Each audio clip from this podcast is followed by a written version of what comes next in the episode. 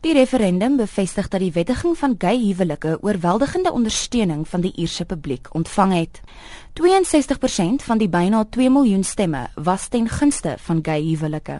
Volgens Amnesty Internasionaal is die referendum 'n groot oorwinning en wys dit hoe 'n eens konservatiewe land die toon aangee as 'n samelewing waar gelykheid geld. Die Suid-Afrikaanse Katolieke Biskope Konferensie se kommunikasiebestuurder, Vader Smilo Mongati, sê in sy reaksie: "Wederwysige respek is belangrik, maar die Rooms-Katolieke standpunt oor gay huwelike bly onveranderd." As the Catholic Church, we believe, as the Bible tells, that marriage is a union between a male and a female, a union of love and life. Love is that they love each other life that they share their own life, but they're also open to reproducing that life. But we do understand that there are people who do not believe what we believe, and we respect them for their choices. Hy voer aan dit is belangrik vir die Rooms-Katolieke Kerk om bewus te wees van die veranderinge wat in die wêreld plaasvind. The world is changing. I think the Archbishop of Dublin, Archbishop Diamond Martin also said that that we need to be having a reality check the language that we use as the church and what it means to people. So the world is changing. There are many more influences and many more different kinds of perspectives into looking at life. So as a church, we need to be open to that new existence and get into dialogue with it. 'n Sleutelvereiste van die Rooms-Katolieke Kerk in Ierland is dat die nuwe wetsontwerp verseker dat geen kerk vereis word om 'n gay huwelik te voltrek nie. Mongati sê hy hoop die versoek word gerespekteer. Some of us are marriage officers, but South Africa has respected our right not to solemnize gay marriages if we are Catholic priests. That's what the freedom means. I welcome the constitutional decision to have you get married in a same-sex way, but also you have to agree to accept me who does not believe in that. That's what democracy and constitutional democracy means. So I would sincerely hope that nobody will be forced to solemnize same-sex marriage if he doesn't believe in it. Hy sê die kerk se boodskap moet nie verlore raak tussen die morele randkwessies van geloof nie.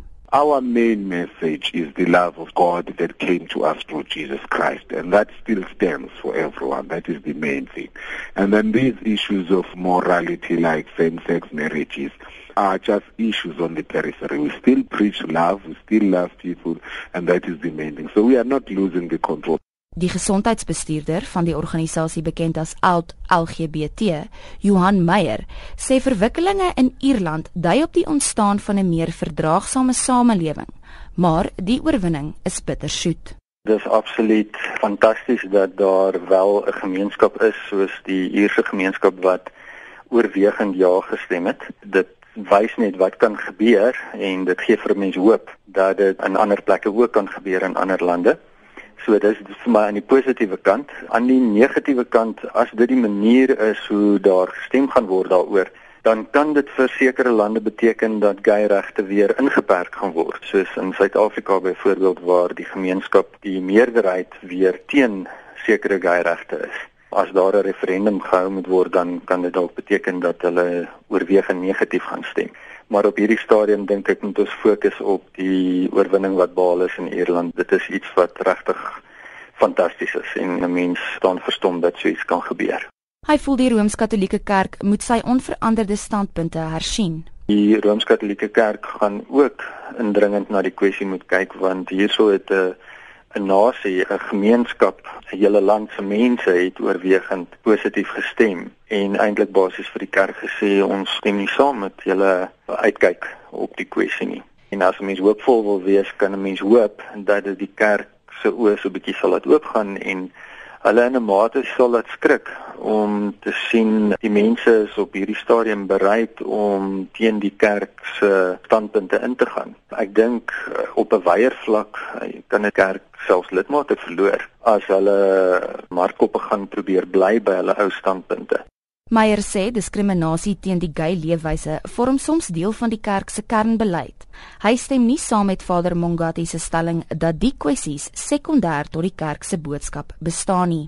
As 'n mens fokus op liefde en samehorigheid, dan kan so 'n kwessie nie regtig volgens my op die buitewyke lê nie of op die rand lê nie, dan moet dit 'n kwessie wees wat in die sentrum aangespreek word want die realiteit is dat daar teen gay mense gediskrimineer word en dat daar baie dinge gebeur waarvan ons almal weet soos haatspraak of fisiese geweld en diskriminasie. Dit was Johan Meyer van die OUT LGBT organisasie.